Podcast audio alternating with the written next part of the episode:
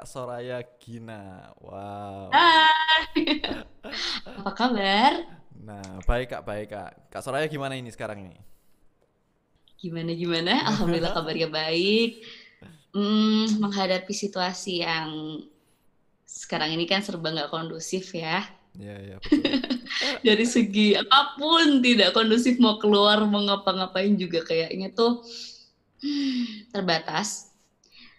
Jadi kita tetap harus semangat dan apa pun yang terjadi walaupun secara aktif nggak bisa berkarir ya di tempat maksudnya kayak misalkan kita kan orang-orang entertain nih biasanya kan uh, di event nih garapnya gitu kan MC lah nyanyi lah atau ngapain gitu kan ya di luar sana. Tapi sekarang semenjak adanya pandemi dan kita harus di rumah aja jadi kita harus berpikir kreatif apa hal yang produktif dan menghasilkan walaupun dari rumah aja Oke, nah bagus itu sih. Jadi kita harus tetap uh, adaptasi dengan lingkungan walaupun ya kita dituntut untuk kerja semuanya dari rumah uh, kebanyakan yeah. ya mengurangi kegiatan di luar lah. Cuman ya kita tetap harus kreatif karena kita sendiri adalah orang-orang di bidang kreatif. walaupun pasti ngalamin yang stresnya ya. Jadi kayak masa-masa kamu galau atau kayak kita nggak nemuin mood nih buat ngapa-ngapain.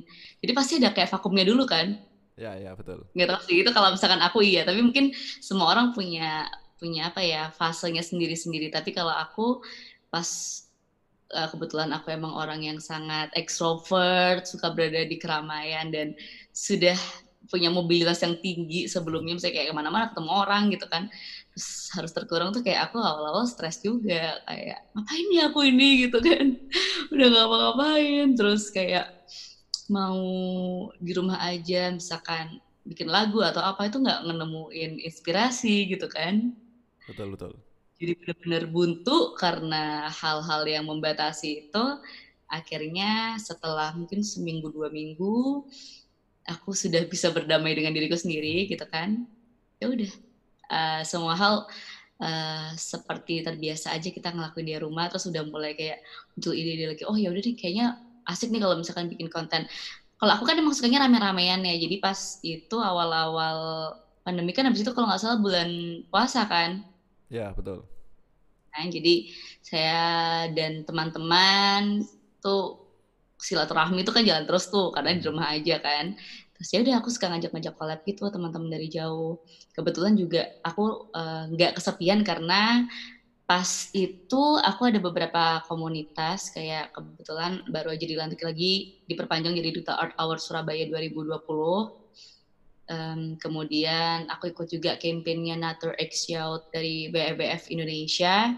Jadi kami itu punya campaign yang emang tuh jalan terus di di, di grup gitu. Okay. Otomatis hal-hal itu kan kayak, eh kita collab aja lah atau ngapain lah itu udah udah ada template-nya sendiri. Jadinya nggak buntu-buntu banget pas kemarin pandemi gitu ada kegiatan dari situ. Kemudian di musik uh, juga masih ada hal-hal yang dikerjain untuk uh, project pribadi dan juga kayak ngajak collab teman-teman gitu. Kemarin sempat yang paling rame aku bikin collab itu ya kemarin itu sekitar 30-an orang ya sama teman-teman finalis Idol uh, eh, 2019. Terus aku kayak ngekontak mereka gitu kan, aku bikinin grup uh, di Instagram. Kayaknya tuh ada 30-an orang yang join, jadi kita kirim-kirim video dari jauh gitu, LDRan, terus kita produksi deh. Okay, Buat ngisi-ngisi aja, kalau nggak gitu tuh orang seni kreativitasnya mati. Betul, betul. Ya kan, harus harus kayak banyak-banyak dapat inspirasi itu dari kalau aku ya, kalau aku tuh dengan bergabung di lingkungan-lingkungan yang positif, dengan begitu aku bisa menyerap energi dari mereka juga gitu loh. Gitu.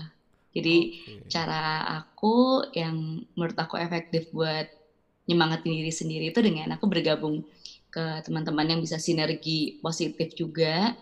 Akhirnya dari situ kita bisa semangat terus, terus termotivasi, kalau cuman sendirian aja tuh kayak nggak tahu mungkin itu sih jadi kalau misalnya kita collab sama orang selain kitanya juga misalnya kita kan sama-sama sama-sama berkarya bareng nih kan yang pertama bisa berkarya bareng yang kedua kita juga bisa dapat insight dari mereka gitu kan kayak kayak pasti kan kita discuss nih ngebagi partnya gimana. Berarti kita belajar apa ya? Kayak koordinasi juga dari jarak jauh, habis itu time managementnya gimana.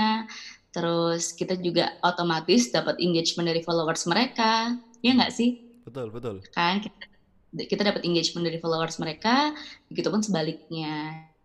Uh, makanya aku uh, selalu welcome kalau orang-orang ngajak kolaborasi baik itu dalam bentuk karya atau apa pun seperti hari ini berkesempatan dengan Yosua. Siapa tahu juga aku bisa dapat insight banyak dari Yosua. Oke. Keren keren. Jadi nah ini cerita dulu deh kak. Jadi kan kak Soraya hmm. ini yang aku kenal sebagai songwriter penyanyi juga uh, udah kenalan online ya Jadi sama-sama Surabaya tapi belum ketemu. Iya, kita belum ketemu. Nah, ini harus ketemu ya setelah ini ya. Jadi tidak boleh cuma nah, virtual ini, Kak. nah, jadi awal mulanya gimana sih, Kak? Sekarang uh, sekarang kan kita tahunya ya Kak Sora sudah bikin lagu lah. Sekarang sudah ada lima lagu kan, lima single. Awal mulanya gimana, Kak? Awal mula bernyanyi itu seperti apa dan juga bikin lagu ini seperti apa? Nah, itu kan sempat nyinggung okay. juga tentang idol kan? Mm -hmm awal mula aku bernyanyi itu mungkin bukan bernyanyi ya bermusik karena aku awalnya nggak bernyanyi. Oke. Okay. Jadi awal aku bermusik itu sejak SMP aktifnya sering ikut festival band gitu mewakili. Jadi kayak ada ekskul band dan home band gitu waktu SMP. Kemudian dari SMP setiap tahun bukan bahkan setiap minggu sampai zaman aku kuliah aku eh enggak sampai zaman aku SMA itu aku selalu aktif ikut festival band yang ada di Surabaya. Jadi otomatis kayak circle aku dari kecil SMP itu itu udah deket lah, relate banget sama teman-teman permusikan. Karena kalau misalkan kita ikutan lomba kayak gitu-gitu kan pasti otomatis kenalannya banyak nih. Betul. Itu cuman ya karena aku masih ikutnya cuman kelas-kelas ya Jawa Timur, Surabaya gitu-gitu. Jadi ya udah maksudnya circle yang lontok ya di area Surabaya Sidoarjo dan Jawa Timur lah ya gitu. Dan aku dulu itu sebagai keyboardis gitu. Karena pas waktu itu di band kebetulan emang waktu SMP yang bisa main keyboard aku dan aku disuruh jadi keyboardis ya udah gitu. Tapi kalau misalkan bahas lagi ke sebelum aku bermusik ya aku belajar sih secara otodidak dari ekskul band itu ya kita ya belajarnya di ekskul itu doang. Okay. Tapi kalau basic aku pernah les keyboard, bukan piano ya, les keyboard itu dulu waktu SD kelas 4 itu kalau nggak salah tiga bulan doang. Oh. Tiga bulan itu kayak cuman yang belajar apa ya, not balap, hmm. terus fingering style, um, chord progression itu juga kelas 4 SD masih yang basic, super basic banget gitu. Jadi setelah itu ya udah belajar-belajar sendiri aja, mainin lagu-lagu yang kita sukain aja. Sampai akhirnya ternyata dari aku SMP kok support nih, dari SMP kok ada fasilitas ekskul band ya gitu kan. Ya udah. Dan hal itu berlanjut, aku ngeband ngeband ngeband terus. Pertama bandnya festival ya kan band festival, kemudian band indie. Jadi kalau band festival aku ini udah sepuluh sepuluhan lah pokoknya kalau aku punya band itu udah banyak banget karena aku termasuk orang yang aktif suka apa ya easy going lah. Jadi kalau ada teman ini eh kamu ikut aku dong. Ya gitu kayak gitu. Oh ya udah gitu. Aku dengan senang hati tidak pernah menolak gitu. Bahkan hmm, genrenya rata-rata beda-beda. Kalau kamu pernah dengar um, kalau dulu band aku yang awal itu pop pop funk gitu ya kita suka suka suka musiknya uh, apa ya kalau zaman dulu tuh SD SMP tuh masih yang super funk kayak gitu-gitu nggak oh, sih like kayak ya, ya, ya. itu zaman dulu banget tapi semakin uh, ke terus kayak ganti pop, ganti rock, ganti jazz, terus gitu. Aku bahkan pernah punya ngeband sama kamu tahu dulu Caca Band nggak? Pernah dengar, pernah dengar. Power metal, power metal ya sebangsa itu di Surabaya. Jadi kayak emang orang-orang udah senior gitu yang rocker banget ya aku jadi keyboardisnya mereka kayak gitu. Aku cewek sendiri. Yang lain tuh kayak udah udah apa ya udah kayak emang tua-tua garang. Dan aku kayak feminin banget. Dulu kan masih belum berhijab jadi kayak si apa ya masih kelihatan kecil ya kupu gitu. Jadi itu pengalaman ngeband gak cuman band festival akhirnya bikin band indie. Kalau sama band indie aku udah ngerilis empat single sama MV juga namanya Duski tiga band. Terus aku punya band indie lagi dulu namanya Sora. Oh. Nah di band Sora itu pertama kali aku jadi vokalis. Oke. Okay. jadi nah. setelah mungkin festival-festival sudah berakhir barulah ke ini nih ke indie aku tertarik karena dari dulu aku tertarik bikin lagu gitu. Aku dari dulu sebenarnya tertarik untuk nyanyi nih. Cuman setiap aku bilang sama kayak teman aku atau kayak mungkin dulu ada pelatih band gitu bilang, hmm. aku mau nyanyi aja doang gitu, aku malas main keyboard. Karena kebetulan keyboard aku dulu tuh gede ya, aku cewek kan. Terus aku mana-mana tuh ngangkat itu sendiri hmm, kayak koper gitulah bentuknya tuh case-nya terus ada ada serakannya, ada ranselnya. Kalau nggak salah tuh 9 kiloan aku dulu pakai Juno Stage. Wow jadi ya berat. Apalagi dulu nggak punya studio sendiri di rumah jadi mulai jam gue tuh di jam malam banget ya. Apalagi studio Surabaya dulu rame kan. Ya, kita ya, kalau betul. booking nggak jauh-jauh hari itu udah dapet itu shift-shift malam jam 10 jam yang baru kelar jam 12 gitu. Sedangkan aku cewek terus aku keyboard terus aku bawa keyboard sendiri tuh kayak aduh capek banget ya gitu kan. Akhirnya dari dulu aku punya keinginan nyanyi orang tuh udah gak usah nyanyi lah kamu tuh. Gitu gak enak sorry. Kayak gitu gitulah gitu kalau diceritain gitulah. Setelah sering diremehin sama teman-teman akhirnya aku nunjukin nih kalau misalkan aku emang serius pengen nyanyi dan nulis lagu. Aku bikin band. Awalnya aku nggak mau bikin band ya aku emang pengen jadi solois. Terus aku ngajak teman-teman eh iringin aku dong aku pengen nge-produce lagu aku gitu. Tapi um, mereka tuh pengen ah, aku juga pengen ini nih pengen pengen indie dia bilang gitu. Ya udahlah kira bentuk band gak tau kenapa namanya Sora. Terus Sora itu kelar tak 2015 kelar sampai 2016 alhamdulillah pertama kali aku nyanyi dan itu ternyata seru banget sama Sora itu rame. Um, hampir setiap minggu tiga kali atau sebulan pokoknya kayak bisa 10 kali kita dapet job kayak pensi-pensi gitu. Seru banget sih. Jadi maksudnya mengenalkan band indie yang pertama kali dan membawa lagu-lagu aku sebagai penyanyi tuh beda gitu lah rasanya sama festivalan gitu kan. Udah akhirnya um, karena di band terus ada perbedaan visi, kemudian aku lanjut jadi solois. Gitu. Nah, kenapa kok bisa kepikiran Kak dari keyboardis bisa jadi penyanyi? Kenapa kok yang tiba-tiba oh aku ini kayaknya lebih suka nyanyi deh ataupun uh, apa apa yang membuat pertama kali akhirnya kok kepikiran aku mau nyanyi aja deh gitu? Yakin tanya itu jawabannya nggak memuaskan loh. Karena karena capek ini sih capek bawa-bawa Allah oke. Okay. Gak siapa tahu capek. jengkel sama penyanyinya mungkin kan. Wah kayaknya aku bisa nyanyi lebih baik deh kayaknya. Mungkin jengkel sama penyanyi enggak, enggak. oh enggak enggak kalau aku gini kalau aku tuh orangnya itu tipikal orang yang interaktif jadi kenapa aku jadi bukan karena pengen nyanyinya, tapi aku pengen bisa interaktif, aku pengen bisa komunikatif dan apa ya? Dan aku tipikal orang yang original gitu. Jadi kayak aku pengen bawain lagu dengan styleku, dengan karyaku di bidang cover-cover gitu. Dan itu nggak bisa aku wujudin kalau misalkan kayak misalkan nih aku nyuruh penyanyi nyanyiin lagu aku kan nggak semua orang bisa nge uh, ngedeliver itu sesuai cara aku gitu kan gitu. Jadi kalau misalkan dibilang aku lebih baik sama sekali enggak gitu. Bahkan uh, basic aku untuk bernyanyi pun ya nggak pernah les juga dan semua itu juga otodidak gitu. Cuman karena aku suka jadi um, apa sih?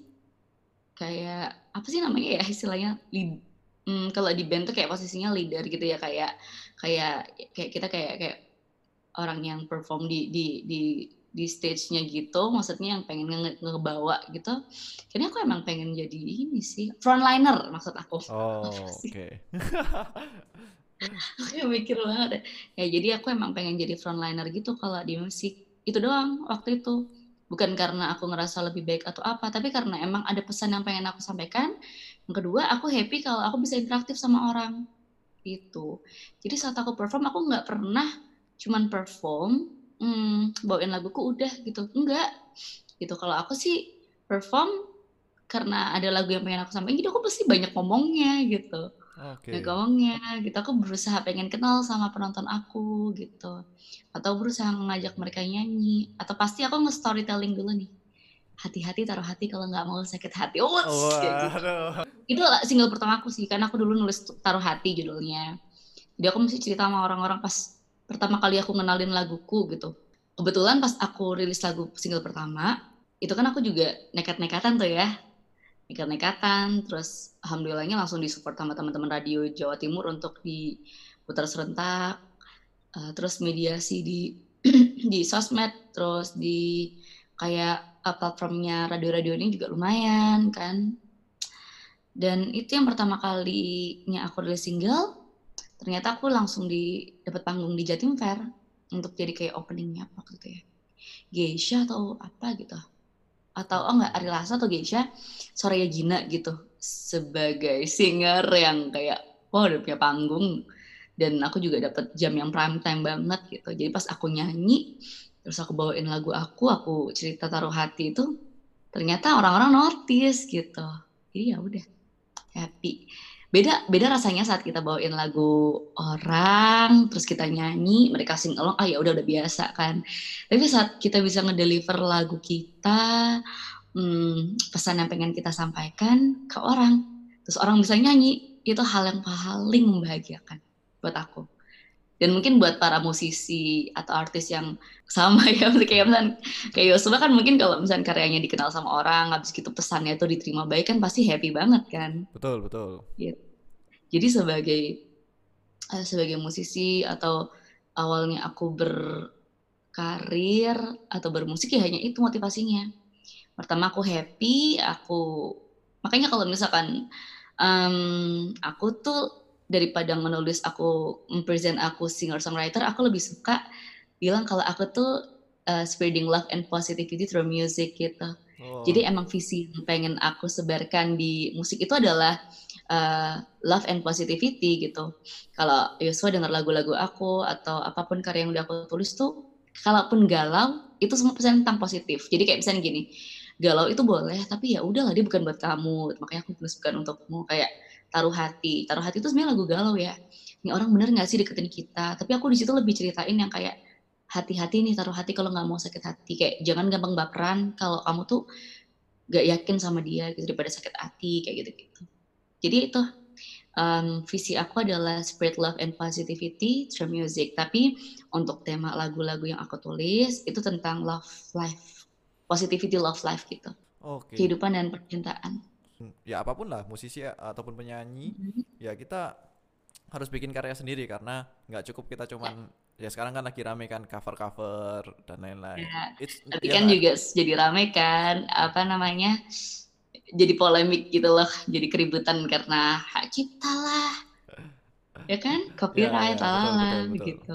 Jadi memang jalur yang aman adalah berkarya original Ya ya, jadi eh, sebenarnya nggak apa-apa kalau kita mau cover lagu sekarang masih oke, nggak Betul, masalah. betul Cuman memang ada prosedur yang harus diikuti. Yang paling bermasalah sih kalau dimonetize monetize kan kita kasusnya. Mm. Jadi kebanyakan kita cover tapi dimonetize itu tidak, tidak diperbolehkan, termasuk dimasukkan ke Spotify dan lain-lain kayak gitu. betul Jadi ya kalau kalian mau rilis ke media-media itu ya silakan bikin karya mulai sekarang.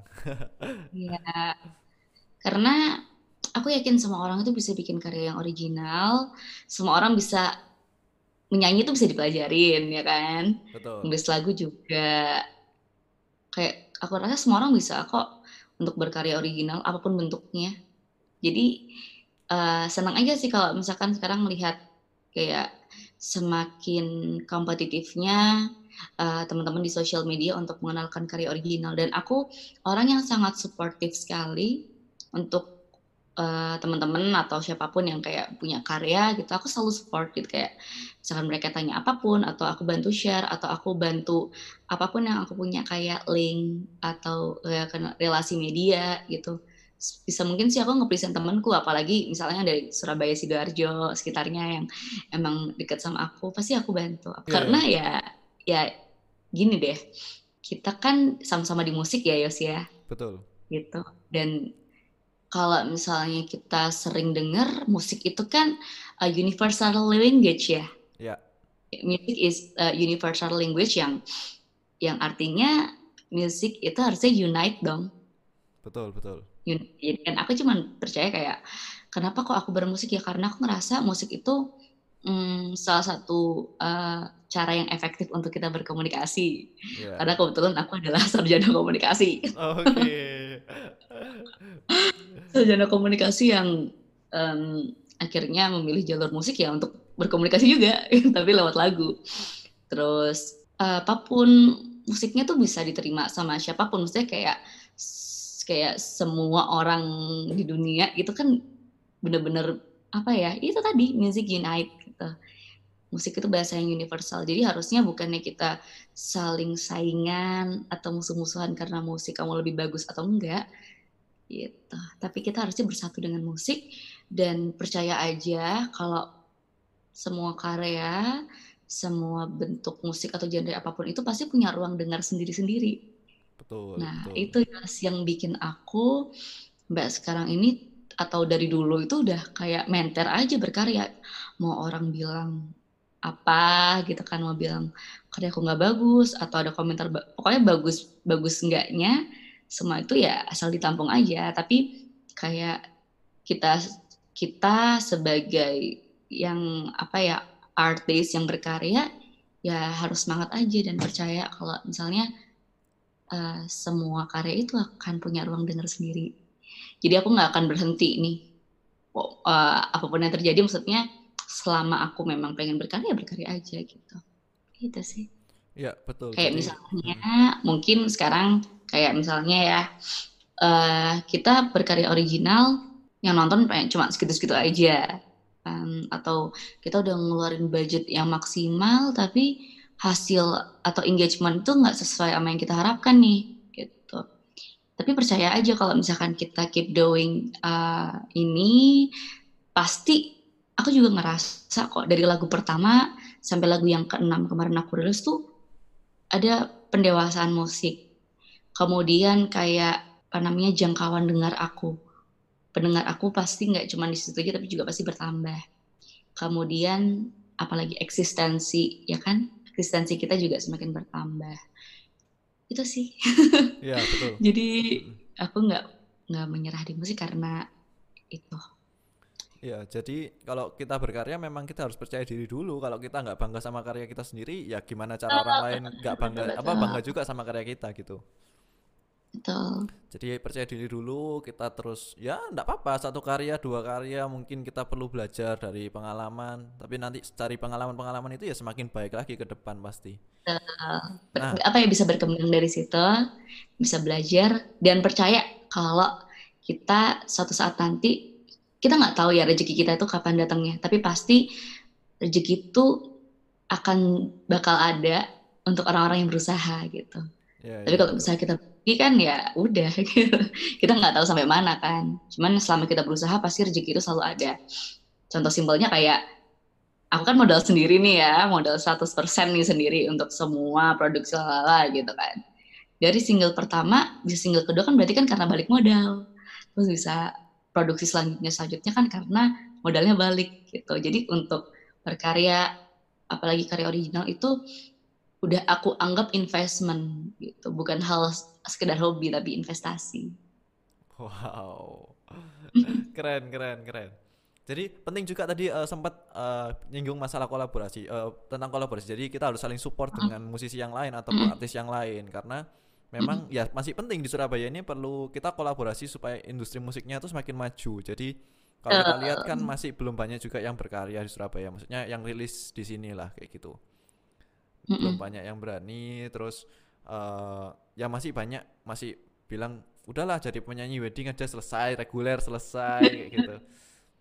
Jadi memang berkarya itu penting. jangan salah Yuswa. Kadang aku nggak suka bukan nggak suka ya aku nggak sepaham sama mindset uh, orang-orang yang maksudnya pernah bekerja sama-sama aku beberapa ada yang enggak juga jadi mereka tuh kayak memisahkan bahwa udah kalau misalnya penyanyi indie, maksudnya penyanyi yang emang udah di industri, udah di industri aja nggak usah jadi penyanyi wedding gitu. Karena nanti harga kamu jatuh lah, inilah itulah. Sebaliknya juga kayak gitu. Jadi mereka mau mengkotak-kotakkan antara itu. Lah aku mikir gini, kan aku dapat modal juga dari situ ya. Jadi jangan salah, yeah. walaupun aku udah ngerti karya, ya aku ini adalah uh, notabene juga masih penyanyi wedding, MC event apa pun, kayak gitu.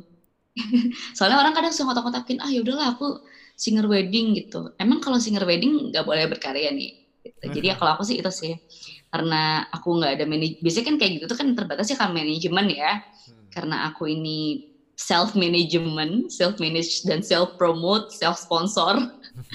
Jadi ya aku yang mengatur itu sendiri. Aku masih nyanyi wedding, masih nyanyi event juga masih apa bebas lah ya. Terus juga bawain lagu aku sendiri gitu. Nggak mengkotak-kotakan event harus kalau misalkan band industri tuh harus yang itu yang di pensi-pensi aja atau acara-acara um, acara-acara yang bergengsi kayak kayak apa namanya launching apa-apa-apa gitu gitu. Enggak sih. Jadi kayak aku nih nyanyi semua acara bahkan kayak acara ulang tahun acara mm, nikahan acara sunatan. Kayak gitu gitu kayak gitu sih. Tapi itu balik lagi ke tergantung konteksnya kayak gimana kita ngebawa diri kita dan nge-branding kita kayak gitu. Okay. kita bisa pilih-pilih lah kalau soal acara itu Ya ya ya betul betul. Jadi nggak nggak ada salahnya sih kenapa emang harus di kotak-kotakan antara penyanyi wedding mm. atau penyanyi event dibandingkan dengan artis-artis yang uh, membuat karya sendiri gitu. Ya nggak ada salahnya. Justru itu perkembangannya mereka dari cuman menyanyikan lagu orang lain, mempopulerkan lagu orang lain, tapi kita malah bisa menciptakan karya kita sendiri. Siapa tahu nanti karyanya malah dibawakan ke event-event itu. ya uh, ya semua orang bisa cari tahu lah tentang Kak Sora. Ya pasti tahu uh, ya pernah di Indonesian Idol dan lain-lain. Perjuangannya sudah ya panjang lah. Banyak lah pengalamannya. Nah dari banyak pengalaman ini apa sih yang bisa di share kak? Jadi uh, semua kan di manage sendiri ini. Gimana sih caranya kita kalau mau jadi artis yang apa ya bisa dibilang uh, yang mandiri yang mandiri? Jadi gimana kita bisa bisa produksi sendiri, menentukan ini harus diproduksi di mana, videonya seperti apa, okay. sampai nanti ngurus rilisnya seperti apa. Mm. Nah itu mm-hmm. gimana sih kak? Jadi tuh semua itu tuh jawabannya cuma satu ya, keinginan gitu. Jadi kalau kita udah berkeinginan, pasti kita akan mencari jalannya sendiri. Dan itu yang aku lakuin Yos. Jadi uh, karena aku dari dulu tahun 2012 aku awal menulis lagu dan awalnya aku nulis lagu tuh orang-orang nggak percaya sama aku kayak dulu tuh ada lomba dan itu mewakili sekolah. Kebetulan sekolahku tuh ada sekolah yang akademik banget jadi kayak yang seni itu nggak terlalu disupport ya. Terus aku ngajak tim aku teman-teman aku dulu kayak nggak ada yang mau gitu loh satu tim sama aku buat ikut lomba cipta karya lagu. Akhirnya aku tuh ngajak adik-adik kelas gitu. Oke. Okay. dan ternyata juara gitu. Dan itu pertama kali aku nulis lagu alhamdulillahnya aku langsung juara dapat Jawa Timur ya kan. Waktu itu lomba cipta karya lagu apa anti korupsi kalau nggak salah. Buat piala gede terus dapat uang berapa ya? 5 juta atau berapa aku lupa. Aku lupa pokoknya jutaan lah. Itu karya pertama aku. Terus kemudian aku nulis nulis lagu dan kayak aku di lama ini kayaknya aku pengen pengen ini nih pengen nulis lagu sendiri gitu. Tapi da, jadi dari dulu tuh dalam hati tuh aku udah kayak gitu. Cuman aku pikir, aduh siapa ya kalau aku bikin lagu sendiri? Karena aku nih posisinya band, siapa yang ngiringin aku ya? Ininya siapa ya MD-nya? Nah dari situlah aku akhirnya cari tahu, aku bergabung dengan komunitas, aku mencari tahu musik director, producer, uh, studio-studio yang dari Surabaya. Dan kalau teman-teman tahu, hmm, aku ini maksudnya sampai sekarang bisa mandiri tuh ya nggak sepenuhnya mandiri gitu. Aku aku percaya bahwa semua orang itu uh, punya porsinya masing-masing ya kan? Kayak misalnya aku bisa nulis lagu mungkin rawnya aku uh, original song nada uh, chord semuanya dari aku nih. Tapi kan aku butuh tim nih aku butuh uh, tim produksi itu music director arranger ya kan? Nggak mungkin kita bisa sendiri semua kecuali emang dia udah jago di musik. Nah kalau aku kan nggak. Kalau aku kan caranya apa? Aku ngumpulin modal dulu. Kita harus tahu nih karena aku nggak bisa semuanya ngerjain sendiri ya aku cari dulu modalnya. Kira-kira budgetnya habis berapa? Kemudian baru nih aku cari arranger yang pas. Jadi kalau boleh dibilang aku udah delapan studio di Surabaya. Ini udah aku terin Surabaya Sidoarjo 9 mungkin. Itu mungkin wow. 10 ya. Tapi kurang lebih segitu. Dan itu aku cobain semuanya bahkan ada satu lagu yang aku produksi di tiga studio yang berbeda gitu jadi aku buang bukan buang uang ya aku membayar tiga kali untuk aransemen dengan lagu satu lagu yang sama gitu oh. itu itu salah satu bentuk usaha aku mencari partner yang cocok mencari uh, apa ya musik yang apa namanya taste musik yang sama kayak aku kan. Kita kalau cari produser kan gini, semua uh, teman-teman musik atau produser Surabaya, studio musik yang udah aku datengin tuh semuanya oke-oke. Keren-keren, attitude-nya bagus-bagus juga. Jadi walaupun aku udah nggak kerja sama mereka, kita masih tetap uh, engage, masih tetap raket gitu, masih melekat. Langsung promosi lagi berikutnya jadi, ini. wah, jadi walaupun udah nggak kerja sama, aku masih mereka kadang suka ngasih aku job ya kamu bisa nggak gitu. Dan kadang pun begitu. Itu itu itu itu adalah yang harus dipegang juga ya sama teman-teman. Jadi walaupun kita udah nggak kerja sama sama orang itu atau itu adalah ex player kita, ya kan karena kita dulu udah pernah kerja sama-sama ini nama itu kita tetap harus menjaga hubungan baik sama teman-teman itu. Karena apa? Ya karena karena kita pasti butuh dan karena prinsipnya kita bermusik itu kan bukan saingan atau sekedar semata-mata apa ya karir atau uang tujuannya. Tapi kan kita pengen unite gitu lewat musik gitu kalaupun kita akhirnya nggak kerja sama sama mereka kita berikan alasan yang jelas gitu kan. Biar kita nggak HP orang itu jadi teman-teman mungkin bisa dari situ kalau kalau misalkan teman-teman bisa nulis lagu ya itulah ditulis lagunya ya kan. Apa yang mau dirilis disiapin. Ibaratnya materi mentahnya tuh harus siapin dulu. Kemudian yang kedua apa yang harus dibutuhkan. Mulai budget kemudian mental terus partner kayak gitu kalau misalnya teman-teman nggak mau kayak aku nih nyemplungin satu-satu teman-teman bisa dengan cara uh, konsultasi sama hasil-hasil karya orang-orang yang udah pernah di situ. Pastikan setiap studio tuh punya portofolio sendiri-sendiri. Itu bisa hearing dulu. Oh ini oke okay, ini oke okay, kayak gitu. Sama halnya dengan aku nih aku kalau kerja sama sama orang aku nggak langsung deal or no deal. Tapi aku masih aku minta suara kamu atau kita ketemu dulu kita workshop bareng. Kalau kita cocok nih kita baru bungkus kita kerja sama. Tapi kalau enggak ya udah nggak apa-apa. Gitu. Jadi nggak ada yang dirugikan. Aku bayar di sini tapi gak cocok hasilnya kayak gitu kan. Jadi ibaratnya sistem kerja klien dan um, dengan kita itu puas gitu. Betul, gitu betul. sih. Tadi hal-halnya. Terus kemudian ini lagi sih um, kita tuh kan sama-sama dalam proses belajar. Saya juga dalam proses belajar Yos jadi uh, sejauh ini aku ngerasa memang ya memang waktu yang cukup lama untuk aku gitu.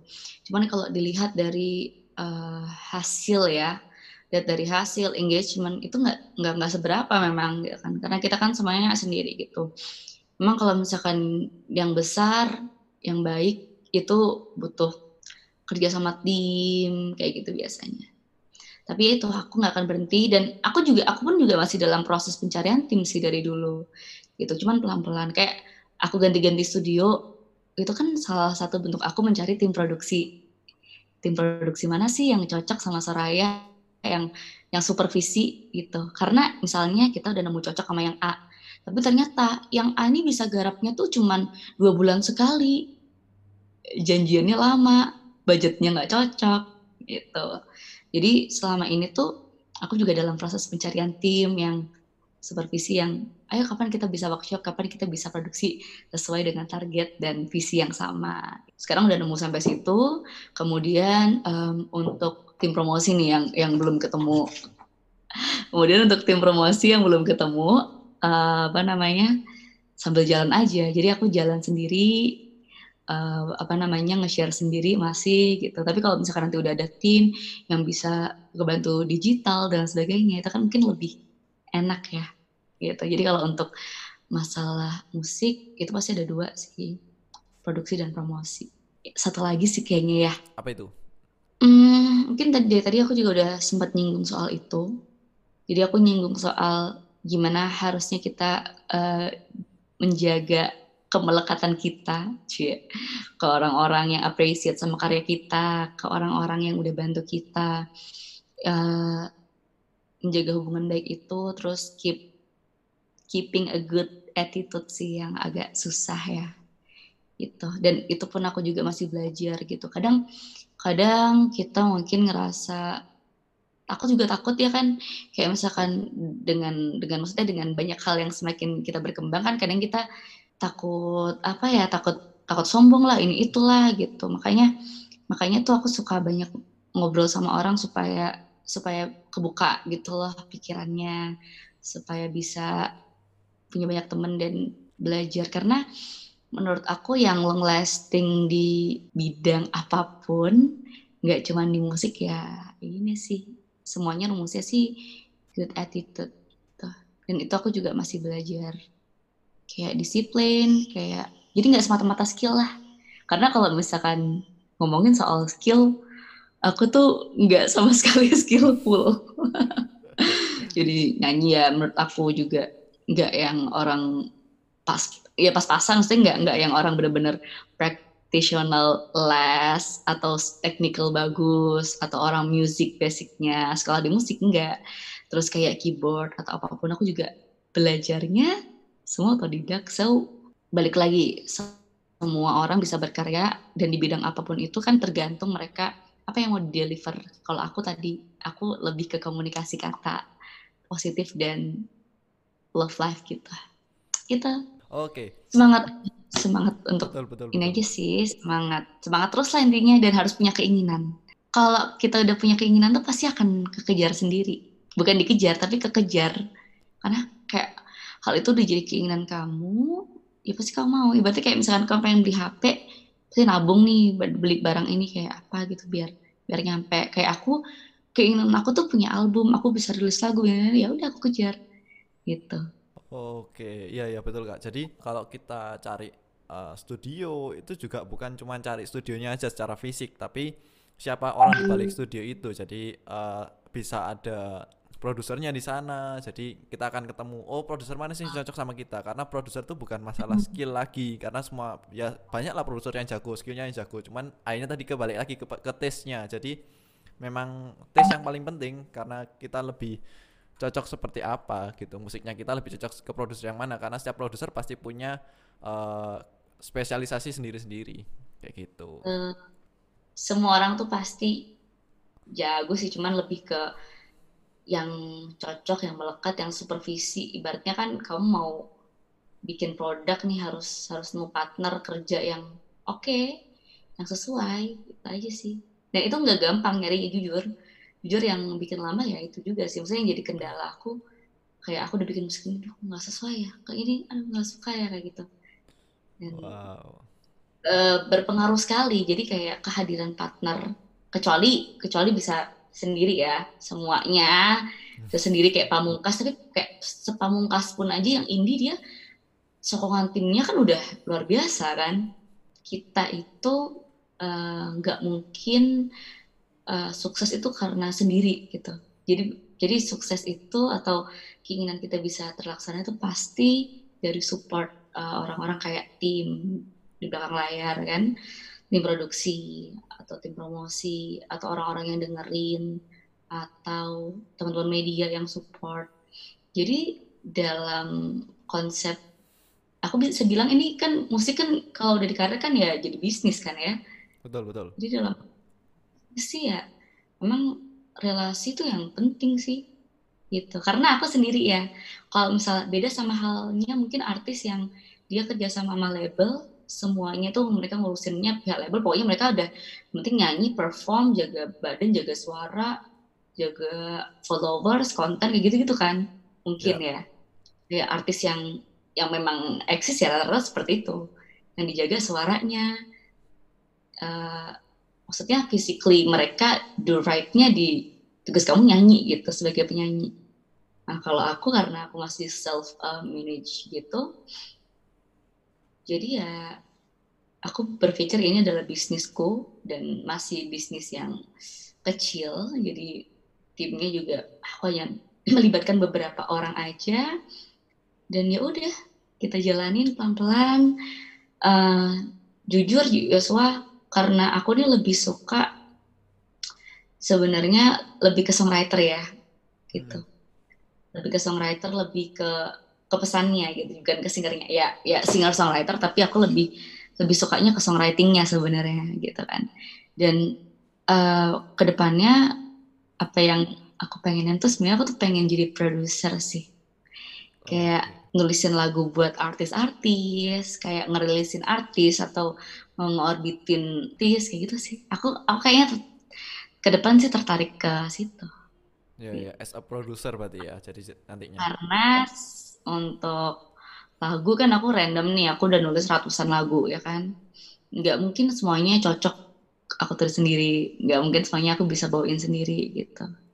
Jadi itu ke depannya aku kayak suka ke situ karena aku lebih enjoy semakin ke sini karena aku uh, eh, self manage management. Jadi aku kayak ke sini tuh aku lebih enjoy untuk ngurusin orang nih kayaknya. Ngurusin bagian manajemen enak nih kayaknya nih. Bagian rilisan bagian uh, lobbying ke media lah kayak gitu, gitu step by step lah pelan pelan gitu. Iya sih jadi memang harus kita ya memang dari kita sendiri dulu kita belajar tentang produksi itu gimana step-stepnya seperti apa sampai ya dari langkah ini jadi dari artisnya dulu penyanyinya dulu kita tahu oh produksi itu harus kayak gini sampai akhirnya kita bisa jadi as a producer gitu. Jadi kita tahu dari awal produksi sampai akhirnya sampai rilis tuh gimana ya kita harus belajar dulu dari awal gitu. Nggak bisa langsung jadi produser juga kayak gitu. Benar benar. Karena udah ngalamin ya gitu kan. Udah ngalamin uh, ke treatment sendiri pernah lagu-lagu sendiri kan udah pernah nih ya. Betul. Terus garapin orang juga udah beberapa garapin jingle-jingle untuk perusahaan juga beberapa gitu. Jadi kayaknya seru nih kayak kalau misalkan aku emang fokus ke depan itu untuk produce music tapi bukan bagian arrangernya, bagian lebih ke songwritingnya, lebih ke ya hal-hal yang aku lakuin. Iya gitu. iya iya iya. Iya banyak juga sih uh, lebih kayak ke, lebih ke apa ya executive producer kali ya Yeah. Kan kalau arranger tuh dia lebih apa namanya ya? Kalau arranger kan bukan executive producer ya. Betul. betul. Kalau executive producer itu kayak yang will manage whole package-nya mulai dari promotion dan production kayak gitu kan. Dan yeah. itu hal yang kayak buat aku ya kalau memang ada rezeki dan aku bisa ke sana kayaknya asik nih. Dan uh, sekarang yang aku coba adalah ngebangun ya selain selain apa proyek pribadi aku aku pengen nge-portfolio aku supaya orang-orang atau aku bisa engage dengan klien, dengan artis-artis gitu, bisa pitching lagu yang kira-kira cocok nih mereka sama aku karakternya gitu. Cuman ya satu lagi, gak semua lagu lagu kan juga jodoh-jodohan, partner oh. juga jodoh-jodohan.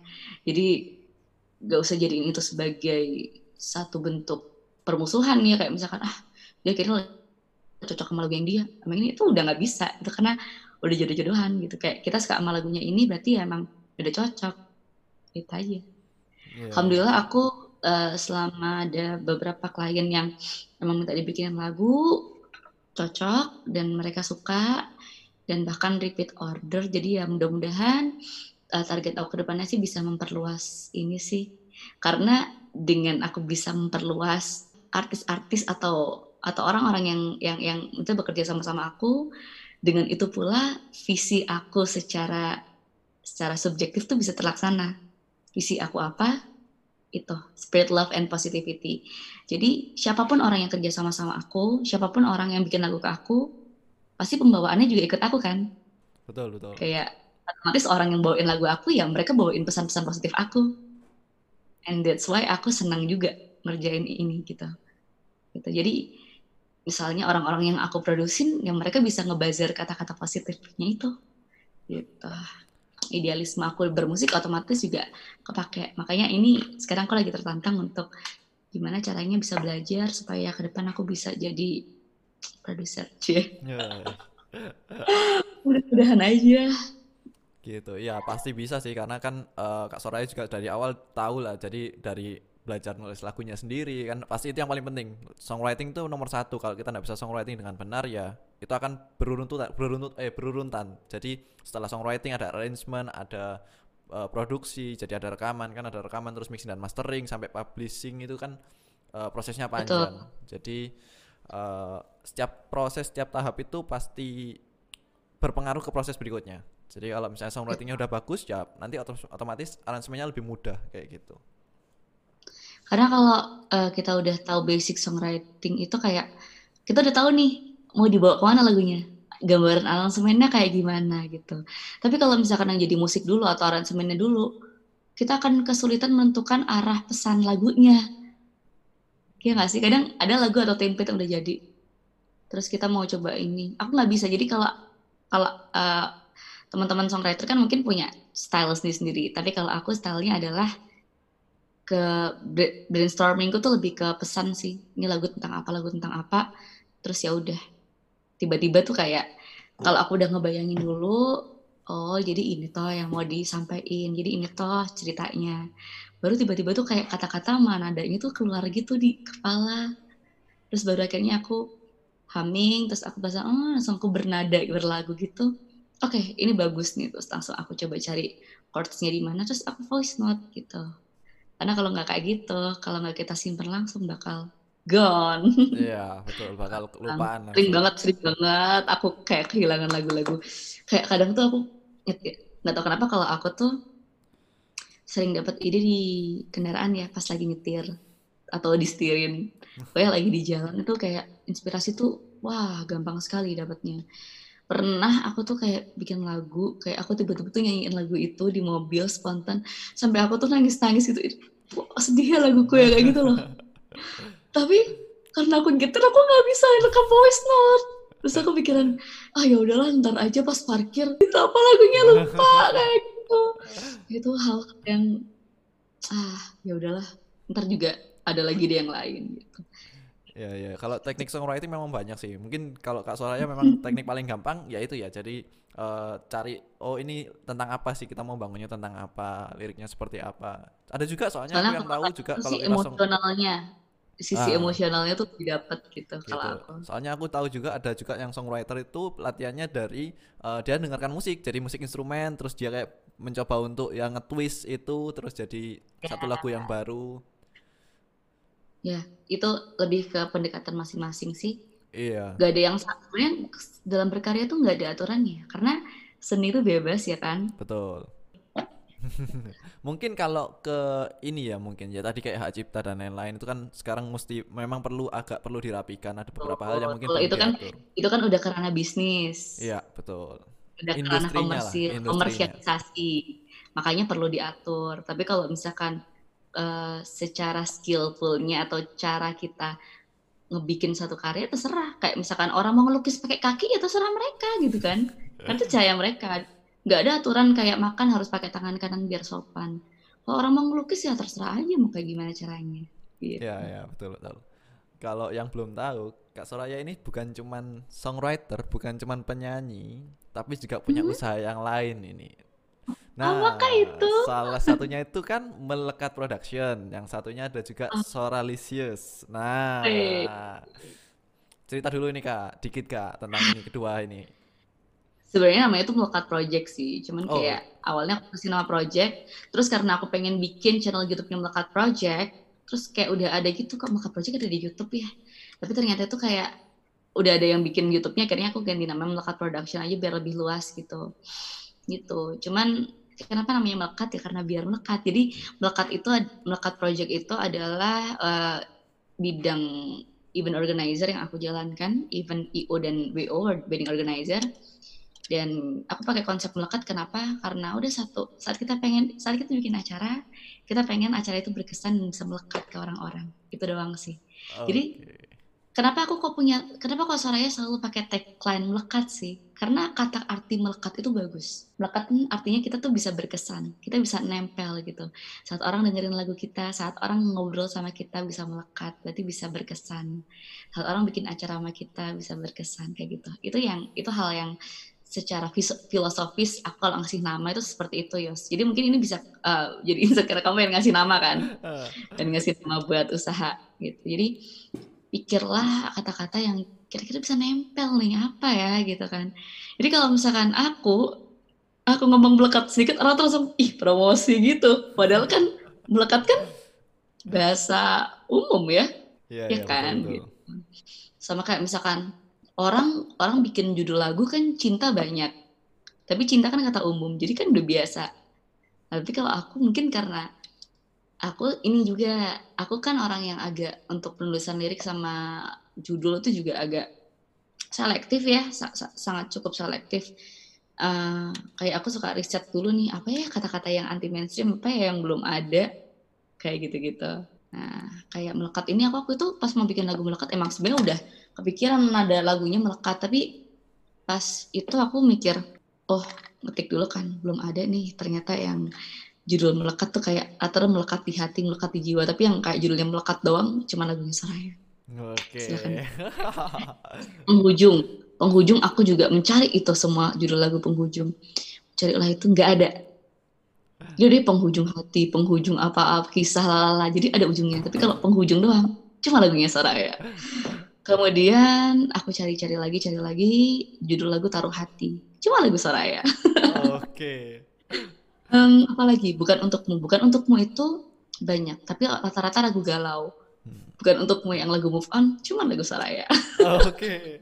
apalagi uh, yang terakhir Another Song lagu Indonesia yang judulnya Another Song lagu aku sih jadi nah.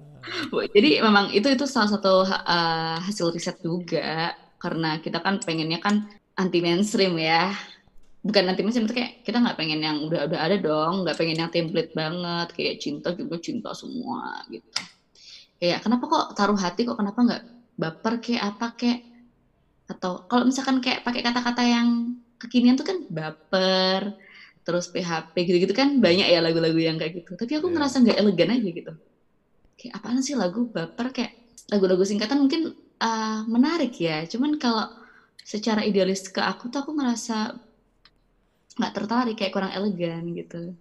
Itu tadi sih masalah pendekatan. Itu personal personal gitu. Yeah. cuman nggak ada yang jelek nggak ada yang bagus. Semua itu punya ruang dengar sendiri. Semua tuh pasti punya uh, apa ya punya pendengarnya sendiri lah iya iya iya. Jadi nah ini tadi udah disebutkan kan lagu-lagunya Kak Soraya ini jadi ada judul yeah. eh taruh hati melekat penghujung nah bukan untukmu sama Another Song yang paling baru uh, kalau dari lagu-lagunya Kak Soraya ini aku yang paling suka ini ada dua jadi yang Another Song sama Bukan Untukmu. Eh, eh bukan untukmu, oh. ya betul. Nah, itu. Bukan untuk. Jadi Kenapa? Kamu nggak uh, salah dengerin kan yang Another Song eh yang yang melekat. Soalnya melekat ada dua versi aku rilisnya. Oh. Itu versi R&B sebelum itu kayak band band-bandan band-bandan gitu ya gitu. Oke. Okay. Nah, kenapa kenapa sukanya kenapa yang itu?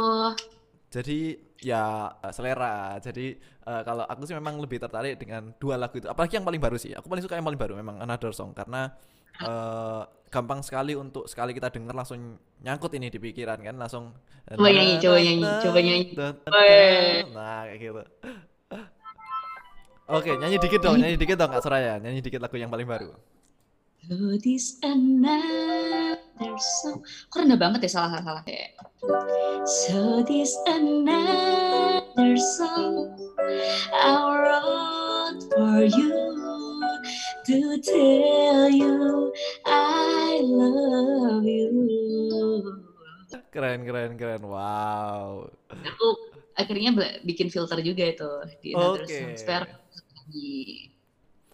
Nah itu bisa dicoba itu nanti ya filternya itu. Yes. Di subscribe juga jangan Kita bukan youtuber soalnya kalau misalkan ngecek di YouTube aku tuh kayak cuman ya rilisan lagu aku doang isinya. Makanya orang-orang bilang kamu eman banget sih kenapa nggak bikin cover? Gitu. Nah, ini pertanyaan yang sering diketanya ini. Kenapa kok aku jarang bikin cover? Jadi gini untuk produksi untuk kita bisa produksi, untuk aku bisa produksi itu kan mengeluarkan budget. Budget kan juga pribadi, ya kan? Jadi kalau orang-orang biasanya belajar bikin musik atau bikin musiknya sendiri supaya nggak ngeluarin budget, itu kan karena udah jago ya. Kalau aku kan merasa porsi aku di sini dan aku butuh bantuan orang lain.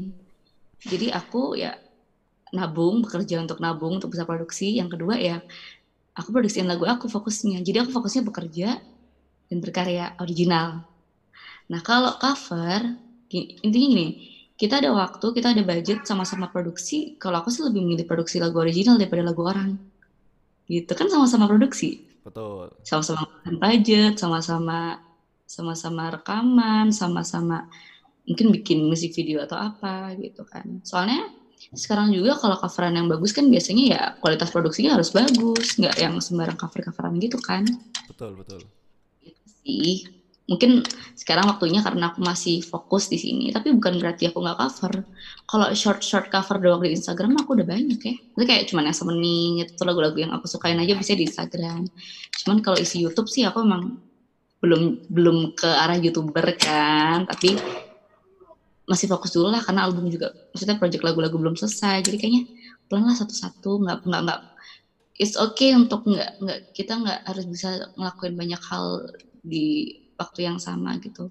Karena kita udah punya pori sendiri kita yang bisa ngatur sendiri apa yang kira-kira kita mampu dalam waktu dekat untuk ngelakuin. Apa yang kira-kira bisa diduluin apa yang bisa nanti sambil jalan udah itu dilakuin gitu. Oke wow Nah, ini bukan berarti aku nggak jadi youtuber. jadi teman-teman semuanya yang mau membantu aku subscribe Soraya Gina. Oke, nah semua lagunya juga sudah ada di semua digital platform. Sudah ada semua kan yang lima lagu tadi kan? Sudah ada mm -hmm. semua bisa didengerin. Uh, ya bisa di share lah. Jangan lupa. Oh atau teman-teman, aku suka gini. Aku juga suka kalau misalnya ada orang yang curhatin sama curhat sama aku pengen tadi bikin lagu, biasanya aku bikinin. Oke. Okay. Jadi aku rilisin. Jadi kayak tiba-tiba suka dapat DM atau komentar kak aku pengen bikin lagu. Atau mereka kasih kata-kata atau insight apa yang kira-kira bisa jadi aku inspirasi aku dengan senang hati kayak dan biasanya kalau lagu itu udah jadi terus aku kirim ke mereka mereka itu kayak seneng gitu loh. Ya nggak sih? Kayak wah perasaan mereka ter tersampaikan lewat lagu kayak gitu. Thank you nih kak Soraya udah bagi nah ini bagi ilmunya ini banyak banget nih tadi ilmunya ini sudah nyanyi juga. Ah ini lagu yang paling baru. Nah sudah dirilis uh, tanggal bulan kemarin ya? Juli ya? Betul ya? Kebetulan aku rilisnya tuh tanggal yang sama saat aku ngerilis single pertama. Oke. Okay. jadi ngerilis single pertama tuh 17 07 17 tanggal cantik. Terus single terakhir aku another song itu di tanggal yang sama tanggal 17 tepat saat tiga tahun aku berkarya. Oh, jadi kayak Kenapa kok juga Another Song? Kenapa kok ceritanya tentang kayak gini? Karena emang ini adalah lagu kado sih. Lagu kado buat semua yang support aku, yang dengerin aku kayak aku pengen bilang so this another song I wrote for you to tell you I love you. Jadi aku sayang sama kalian yang udah support aku kayak gitu. Ke depan ada yang mau di dirilis lagi kak? Yang baru akan mau keluar ini? Um, seperti yang aku bilang itu adalah single terakhir aku. Oke. Okay. Itu single terakhir aku dan. Bocoran dong ini oh, rilisnya kapan? Kalaupun aku ngeluar karya lagi pasti kayaknya gini. Ini ini baru pertama kali aku bocorin di sini sih. Jadi Another Song itu adalah lagu rencana single terakhir yang aku akan putar. Dan aku sekarang lagi proses pembuatan album yang sebenarnya tahun ini aku pengen rilis album teman ketunda karena tidak kondusifnya um, waktu dan keadaannya kan. Betul, betul. Kita nggak bisa bikin showcase kayak kalau kayak gini kan. Jadi mungkin aku tunda dulu untuk itu dan ke depan ke depannya ini aku kalaupun merilis single lagi aku akan merilis single kolaborasi-kolaborasi. Wow. Jadi cukup uh, enam single ini aku keluarkan solo, kemudian sisanya nanti tungguin albumku aja. Dan kalaupun aku di akhir sisa tahun ini ngeluarin karya lagi, aku pengen single collab, single featuring. Terserah itu siapa pun yang kira aku belum ada pikiran. Tapi gini, satu hal yang mau aku bocorin kebetulan sekarang ini aku kan sedang uh, garap single untuk orang lain dan aku sekarang lagi bikin uh, giveaway challenge dengan mushabat. Itu adalah lagu yang aku tulis juga. Itu lagu anak gitu. Um, lagi running tapi sebentar lagi aku juga pengen karena banyak orang yang DM aku aku pengen cover lagu kakak boleh nggak? Kayak gitu gitu kan. Lagunya nempel dan alhamdulillah itu beberapa orang banyak yang ngechat kayak gitu. Oh, okay. um, insya Allah segera aku mau bikin template-nya untuk collab uh, collab another song gitu. Um, dan bikin kayak cover challenge-nya juga. Tapi ini giveaway. Aku pengen ngasih giveaway-nya adalah cover lagu giveaway lagu cover oh, lagu hadiah lagu. Jadi uh, bentuk apresiasi aku ke teman-teman yang udah cover lagu aku dan kira-kira yang aku suka akan aku rilisin single dan aku produksiin full kita. Cuman ada di sini nih, nah ini. Pertama kali aku kalau... baru bilang ini jadi kayak um, nanti teman-teman yang kayak kalau misalkan ada yang cover lagu aku dan memang suka aku akan full produksi. Aku ajak collab untuk featuring featuring di single single featuring dan semuanya ya pasti bareng sama aku. Maksudnya maksudnya giveaway-nya tuh ya aku produce aku produsin aku nggak cuman ngasih lagunya aja tapi uh, whole production aku bakal kasih. Aku senang bersinergi sama orang-orang yang suka membuat suatu hal yang original. Pertama yang kedua itu bentuk terima kasih aku juga buat teman-teman yang udah appreciate aku karyaku udah dengar. Dan yang ketiga karena memang uh, aku pengen bersinergi dengan orang-orang untuk punya tagline yang sama, spread love and positivity through music. Wow, oke, okay, nice, oke. Okay. Jadi kalau nggak mau ketinggalan, langsung ini siap-siap pelajari eh, dulu lagunya Another Song. Nah, Iya, boleh boleh follow Instagram aku karena aku suka update hal-hal apa pun berbau-bau musik ya.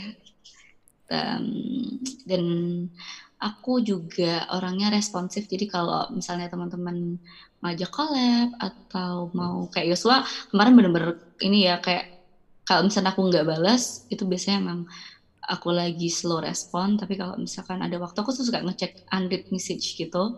Ini yang belum aku balas yang penting mana aku bisa balas oke jadi thank you nih kak Soraya. Nanti makasih. ditunggu single terbarunya lagi Ya insya Allah doain. Apalagi nanti kalau ada giveaway, nah ini tidak boleh ketinggalan juga ini yang mau ikut kolaborasi sama Kak Soraya ini. Kapan lagi diproduksi nih? Nah. Iya iya iya. Karena banyak banget teman-teman yang bikin cover kan. Ya gimana daripada bikin cover kita bikin lagu bareng-bareng aja. Nah, bagus bagus. Kita ngerilis kan kan lebih keren. Pakai nama sendiri, lagu sendiri daripada daripada nge-cover. Ya keren juga sih, tapi maksudnya udah saatnya teman-teman berkarya Untuk sendiri. berkarya sendiri. Betul. Oke, okay, Kak Soraya, thank you. Uh, thank udah join. You. Sukses selalu, Kak. Terima kasih Yosa juga. Semoga okay. kita bisa sering bersua.